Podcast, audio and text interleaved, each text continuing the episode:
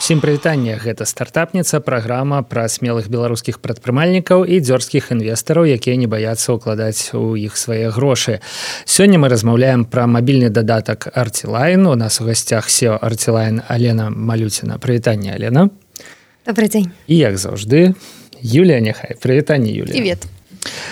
Ну у арцілайн я так разумею добрыя навіны. Арцілайн выйграла ў конкурсе Golden Kitty Product Hunt мы заняли... Виншуем. Спасибо. Мы заняли второе место и очень-очень а, гордимся нашим результатом.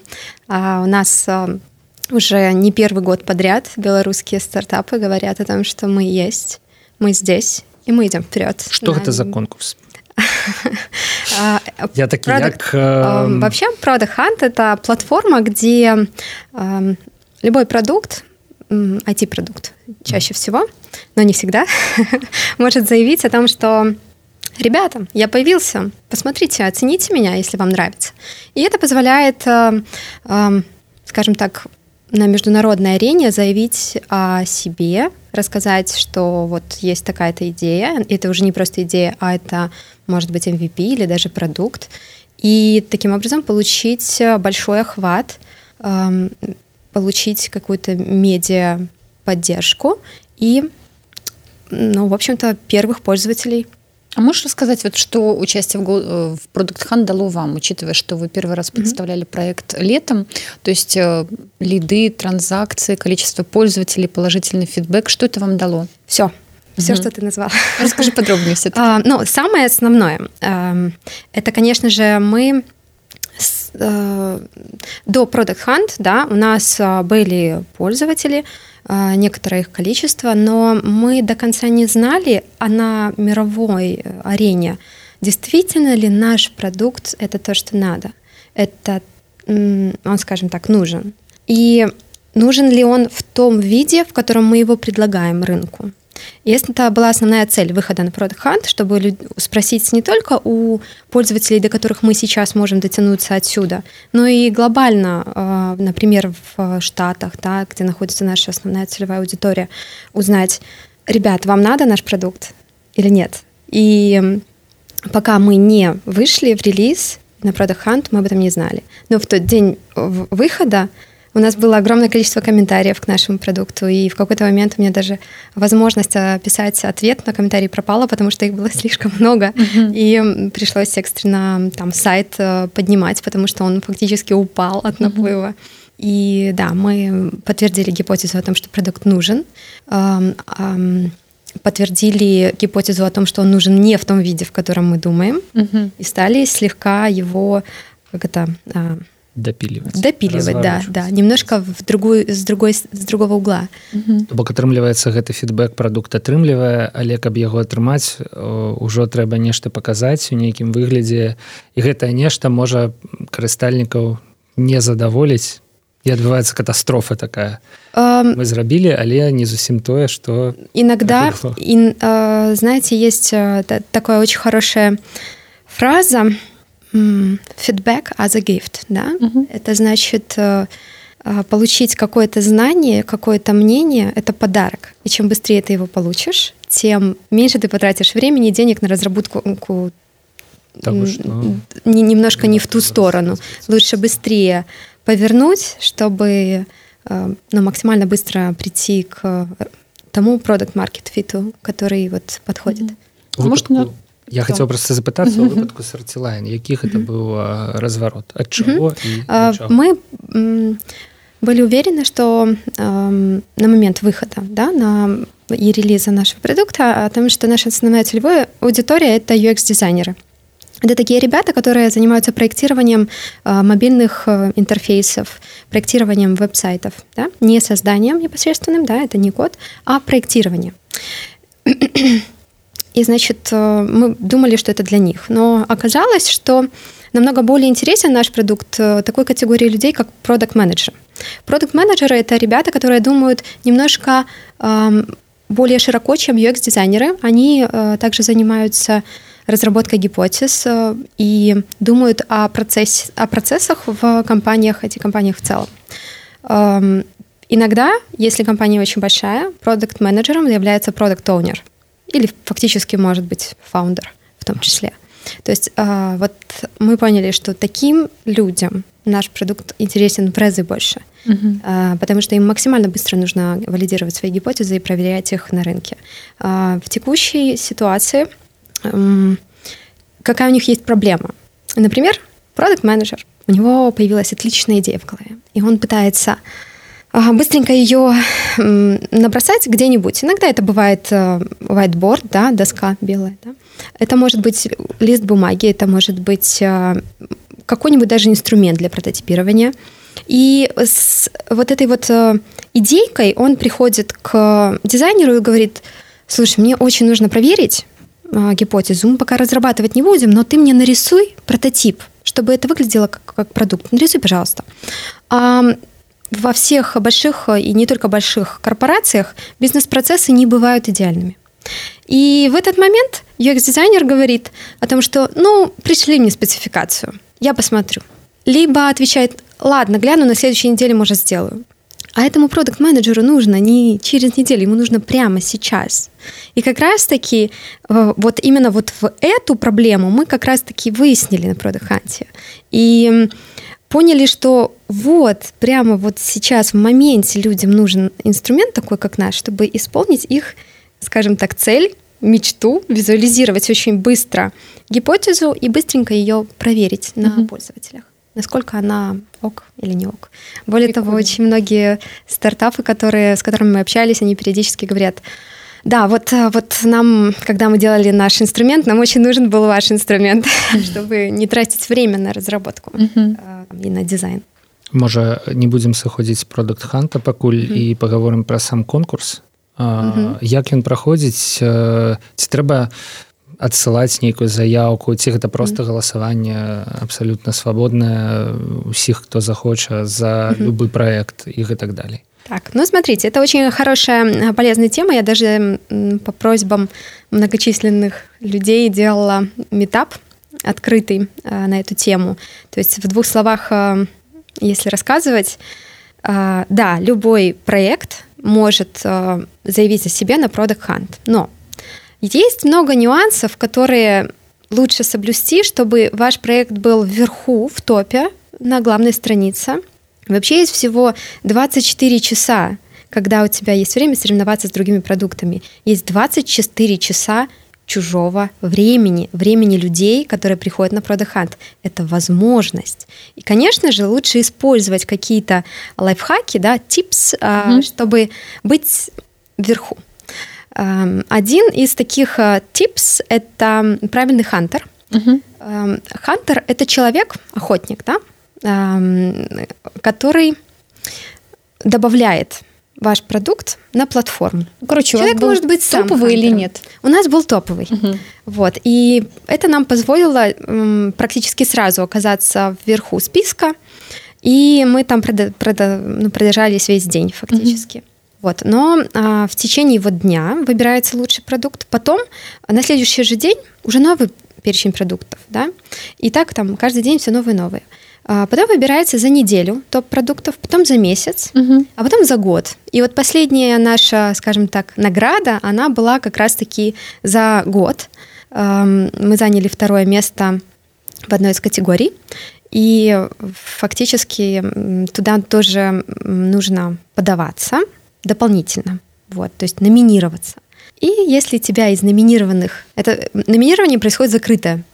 Это такое голосование, когда ты не знаешь, с кем ты соревнуешься, ты не знаешь, в каком ты статусе, ты вверху либо внизу, угу. и такое немножко напряжение. Интригу ребята держат продуханты, понятно, они создают себе таким образом вокруг себя а, внимание. Угу. Вот.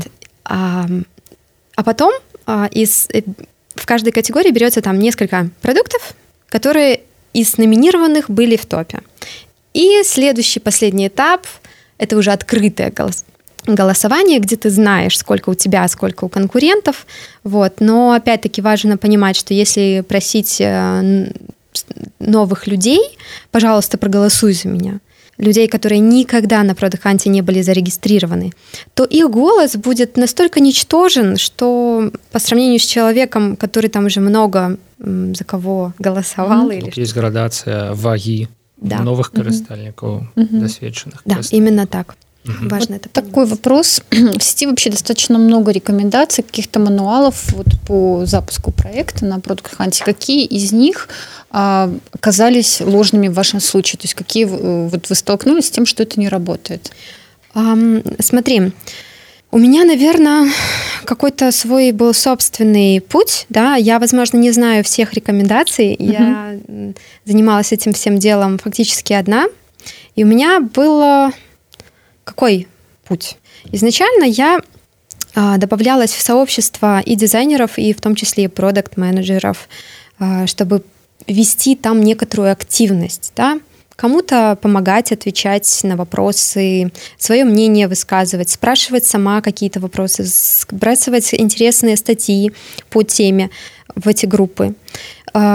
И заранее, скажем так, создавать себе определенное имя, которое люди знают и которому люди могут доверять. И в день X, в день релиза, я в эти сообщества фактически отправила информацию о том, что, ребят, а сегодня я свой инструмент, у меня релиз моего инструмента, посмотрите, вдруг вам понравится. Mm-hmm. И это уже не выглядело как э, откровенный спам, mm-hmm. это выглядело для людей, которые также вращались в этих сообществах, о том, что, о, это, это Лена, я ее знаю, угу, у нее новый инструмент, дай-ка посмотрю.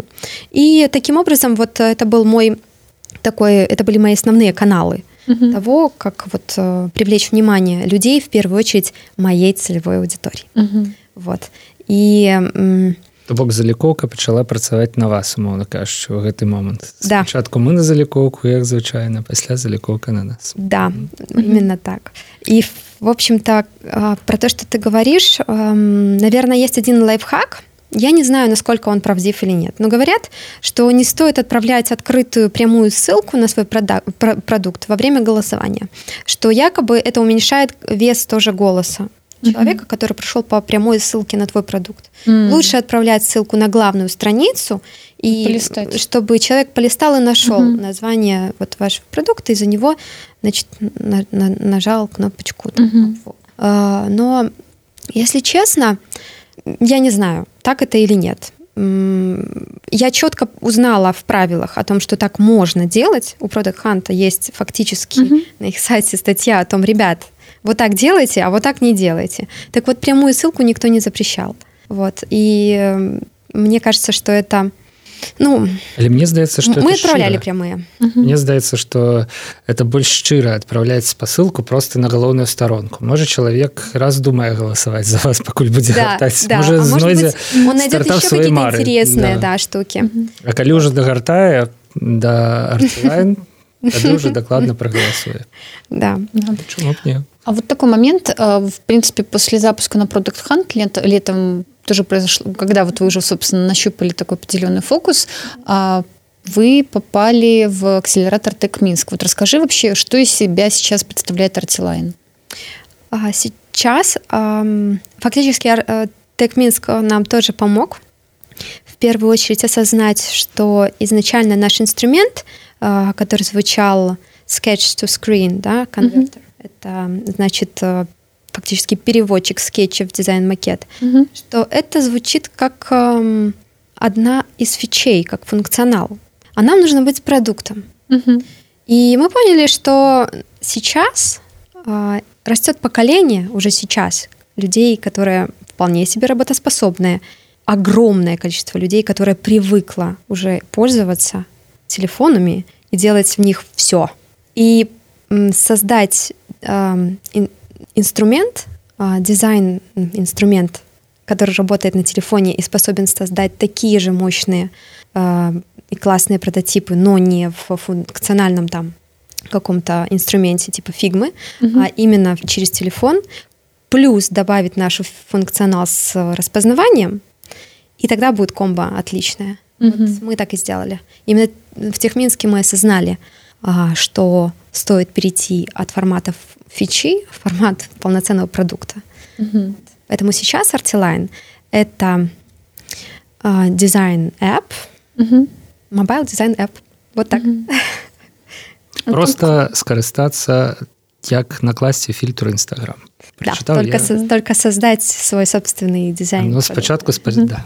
ну, спачатку фатаграфую, ну, спачатку ствараеш, да, пасля накладаеш фільтр. Все правильно. А, да, а, можно. В общем-то, изначально мы поняли, что если мы заставляем человека всегда рисовать на бумаге, то это мы отказываемся от большого количества людей и пользователей, которые не рисуют на бумаге. Есть кто рисует, угу. но есть кто не рисует.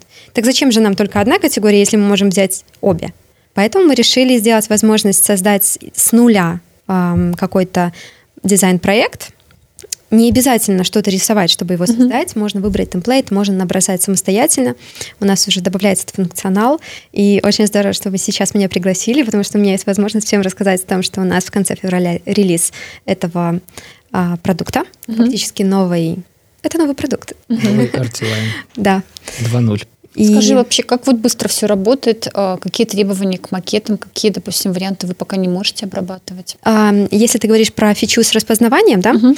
Ну смотри, если ты нарисуешь а, что-либо на, например, в тетрадке в клетку, то наша нейронная сеточка будет немного ругаться. Угу. Она будет а, думать, что тут клеточки, на которых ты нарисовала, что, возможно, это картиночки. Угу и может налепить чего-нибудь чуть-чуть не того. Uh-huh. Вот. Но она как ребенок, ее нужно постоянно учить, uh-huh. ее нужно постоянно кормить. Uh-huh. И это в прямом смысле слова учить и кормить. Ну, как долго вы ее учили и чем кормили? А мы ее не только учили, мы ее до сих пор учим. Ну, понятно. Учим ее все время. Uh-huh. Вот. И изначально мы рисовали сами, потом мы просили людей на конференциях, потом мы просили наших пользователей и потенциальных пользователей, когда поняли, что нам не все скетчи подходят. Угу. А, ну а потом немножко автоматизировали этот процесс. Вот. Ну, такая была ну, эволюция. Сколько, тем не менее, вот датасет у вас? Сколько это рисунков? Вообще, для хорошо работающей сеточки есть такое, скажем так, правило 50 тысяч. Угу. Но у нас а, меньше, у нас около 30. Угу. Это недостаточно, но работает. А есть какие-то требования, например, рисунок маркером или, или ручкой? Нет? Уже нет. Угу. Были раньше, сейчас нет. А, мой кофаундер как раз-таки вот а, работал над этой проблемой. Угу. Если человек, например, рисует там маркером фиолетового цвета, то что с этим сделать? Угу. Мы же все равно должны да, распознать. Вот, э, ну, нашли способы, распознаем фиолетов. А акрамя паперы, где зараз можно будет? На текущий момент зараз? Э, уже можно э, вообще где, где хочешь. Можно whiteboard, можно флипчарт, можно стол, например, если не жалко. Не экран компьютера. Можна экран комп'ютера сейчас. Ну, это было мое главное пытанне. То бок атрымліваецца любую амаль любую паверхню угу. скануешь и отрымливаешь. И экран компьютера в том лику просто скануешь и отрымливаешь. Да, еще очень сильно зависит от того, какая будет камера, потому что иногда, если навести определенного типа камеры на экран компьютера, то экранчик будет в таких угу. полосочках. Э, вот. Но это не очень, конечно, хорошая штука. Там а, точность будет явно меньше. Мерцание вот этого экрана. Угу. Угу. Мне здавалось, что это уже все минулым. Нет, есть еще. Да, Гэта частота на якой працуе экран ну, сильно зависит и от самого монитора от, э, и, и от угу. инструмента который угу. Як вы вырашаеце гэтую праблему того что у людзей у руках абсалютна розныя дэвайсы розныя mm -hmm. камеры то бок не толькі тое што яны э, ствараюць свае дызайны на розных паверхнях mm -hmm. э, з рознымі характарыстыкамі але і тое што смартфон у кожнага свой Um, Их но... бесконцая колькость, я так думаю. Ну, операционных систем две. Какая-то да, есть, есть Android, есть uh, iOS. У ну, нас для iOS. Symbian, угу. вот. Есть всякое разное. Але ладно. Так, iOS. И, собственно, это такой момент, который... Я не уверена, что я слишком хорошо на него отвечу. Возможно, лучше вот будет спросить моего момент. кофаундера, да? Угу. вот. И... То бок только на iOS.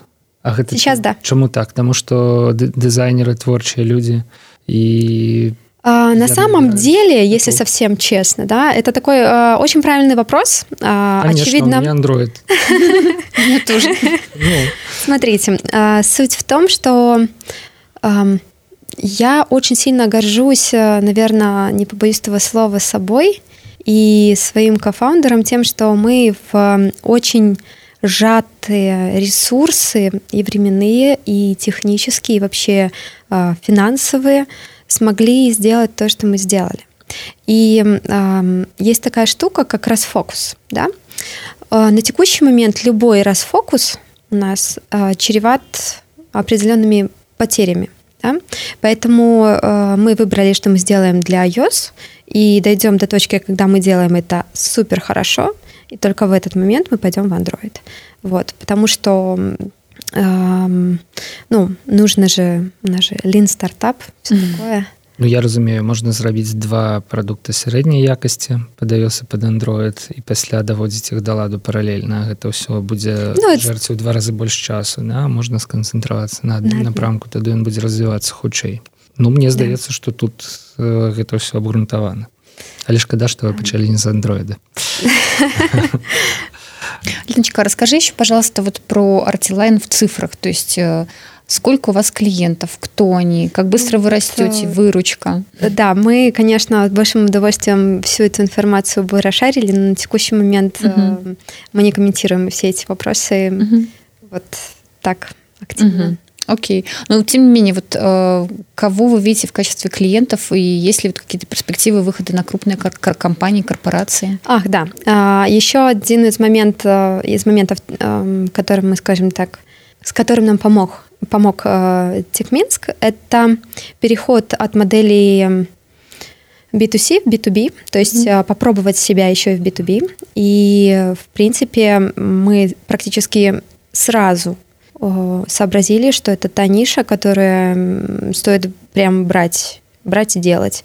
Потому что вот э, в B2B уже готовы к таким инструментам. Там очень большая боль у ребят. Э, и поэтому, да, у нас э, не только планируется выход на какие-то корпорации, все такое.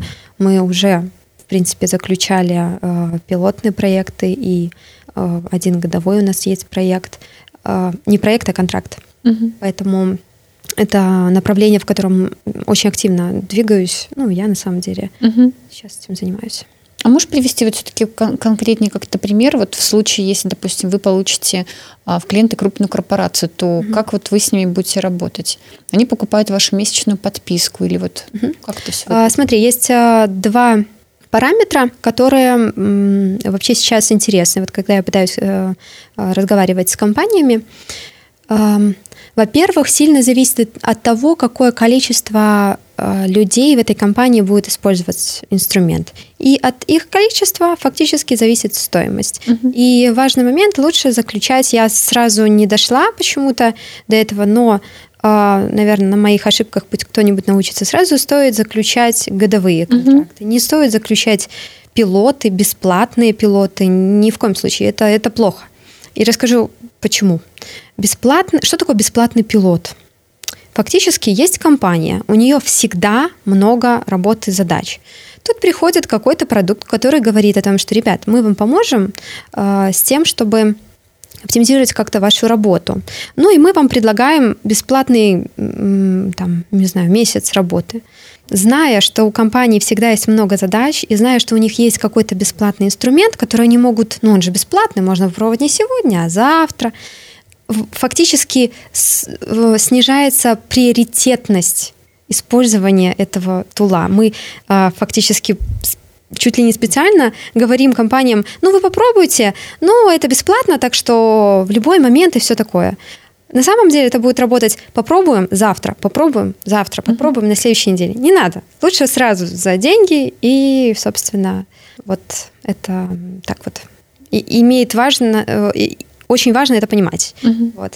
Мне помогла на это осознать, э, кстати, эм, Даша из Даша. Ну, да. да. Вот. Так само у межах э, Техминск? Нет, нет, нет, нет. Это просто приватные некие... Ну, у нас есть э, Founders Club? своя группа, да, угу. и если честно, если совсем честно, то это одно из... Да какое одно из? единственное место, где я как э, фаундер, как человек чувствую себя спокойно. Угу. Я не боюсь чего-то спросить. Ведь у нас в Беларуси казалось бы, все помогают стартапам, помогают там э, мы там будем менторами, будем оказывать поддержку. Но в реальности любой стартап на всех наших мероприятиях немного боится боится оказаться слабым, боится сделать ошибку, боится сказать, что это не так. И это чистая психология.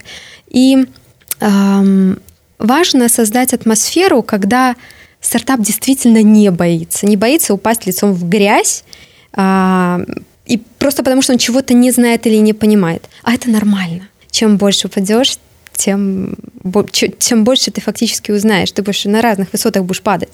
Но каждый раз э, подъем будет тебя увеличивать как бы, твою высоту. Это ок.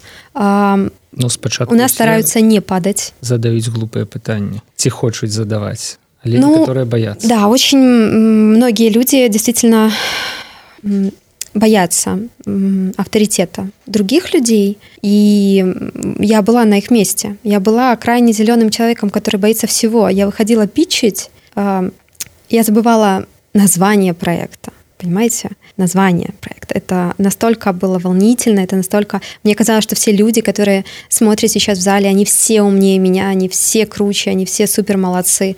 И когда а, мне на самом деле вот перещелкнуть этот момент внутри головы а, помогло а, то, что я выехала из Беларуси. Там я а, столкнулась с ситуацией, когда даже с моим английским люди меня отлично Скажи, понимали. Куда ты выехала? Это тоже важно. Вот один есть товарищ. Мы съездили на Текчил в том году, как раз вот год назад, в феврале это было. А, вас еще тогда ведь в акселератор приглашали, да? Да. Угу. Значит, я там встретила одного товарища, он из финского акселератора. Он посмотрел на меня и сказал, так, стой, ты можешь говорить все, что угодно, но не забывай о том, что люди читают не только то, что ты говоришь.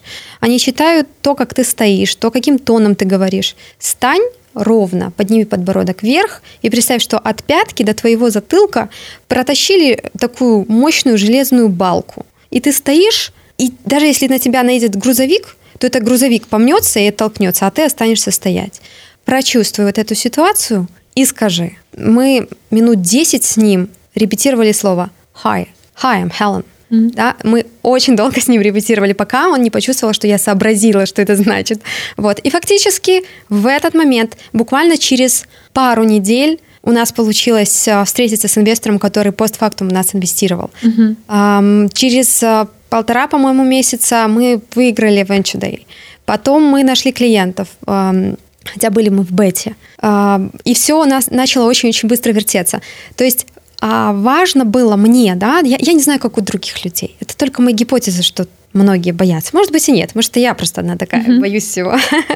вот, но мне очень было важно получить вот эту уверенность в себе и смотреть, э, неважно от статуса людей, смотреть им прямо в глаза, не бояться разговаривать с ними на одном языке и не бояться оказаться глупой, смешной.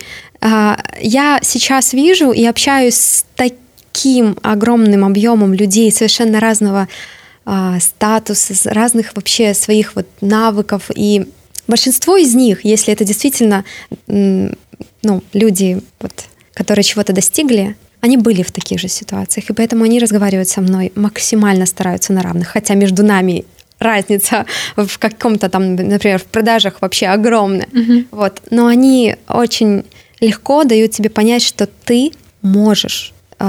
И этого не нужно бояться, нужно просто пробовать. И даже если упадешь, я подам тебе руку и помогу тебе встать, но сделать свой рывок снова встать ты должна сама.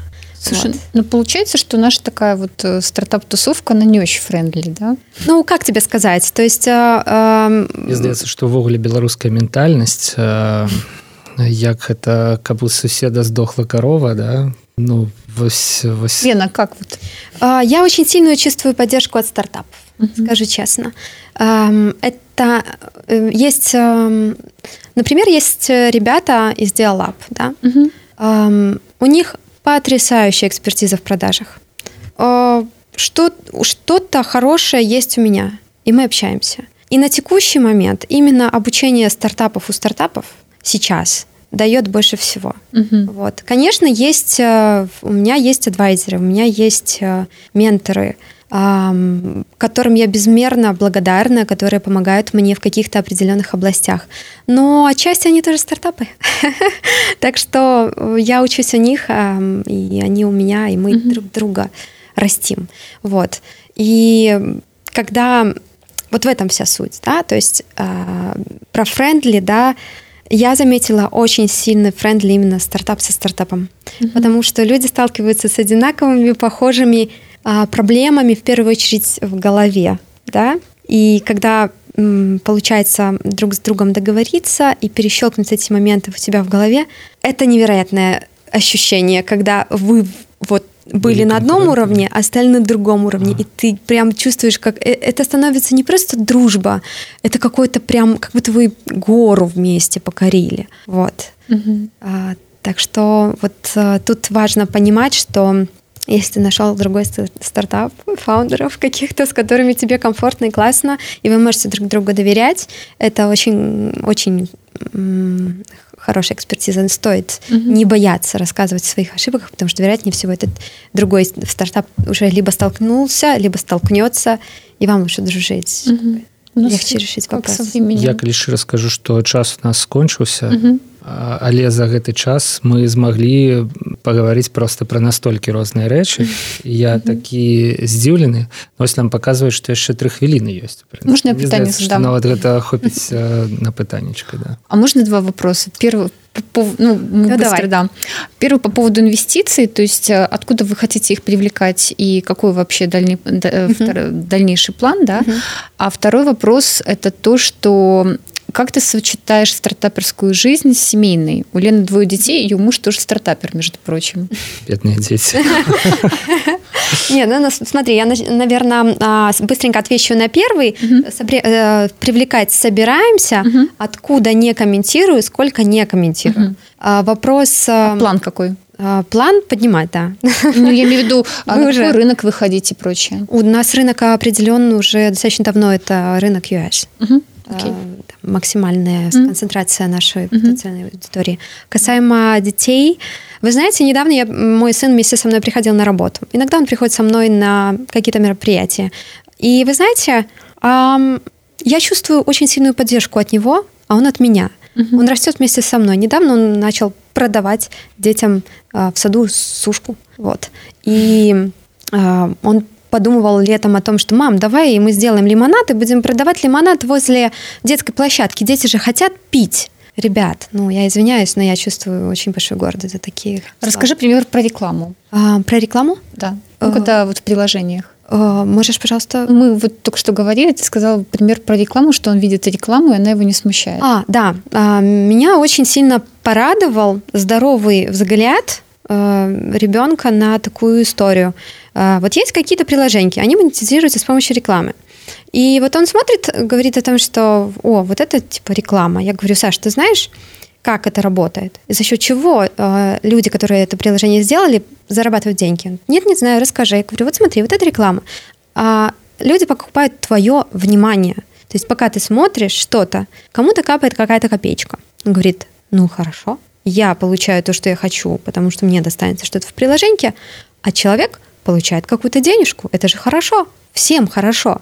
Меня, э, до меня дошло, насколько здоровое это отношение. Да? Оно, конечно, есть свои моменты, я не очень люблю, естественно, рекламы в приложении, вот. но меня поразила э, вот эта здоровая мысль. Я поняла, что то, что он ходит со мной на работу, это отлично. Ну, наконт дзяцей я хацеў бы пракаментаваць што проста дзеці яны яшчэ не сапсаваныя вось усім вось гэтым руцінай офіснай працы і так далее яны сапраўды ў гэтым плане лепшыя за нас не злые яшчэ. Рэклама ім яшчэ не паспела дакучыць. Ну застаецца толькі за гэта парадавацца. Дык вось тут уже наши тры хвіліны скончыліся Вось і я хочу подвесці рысу. Мы па-першае паразмаўлялі про тое як перамагчы ў конкурсе на продукт хант і гэта абсалютна эксклюзіўна і гэта абсалютна класна. По-другое мы распыталі у сіо стартапа арцілайн алены малюцінай про тое дзе зараз гэты стартап на якім ён этапе і які ён у невялічкі разварот зрабіў нядаўна у акселератары тэхмінск Ну і па-трэцяе вялікая філасофская размова пра тое як расці як шукаць я не ведаю гэта аднадумцы і саюзнікі найхутчэй якія пасля дапамагаюць адзін аднаму расці разам. Гэта ўсё было ў стартапніцы. Дзякуй вялікі што прыйшлі Алена вам спасибо большое бачэнне Юлія няхай як заўжды была пры мікрафоне і павел свердлоў пачуемся на еўрарадыо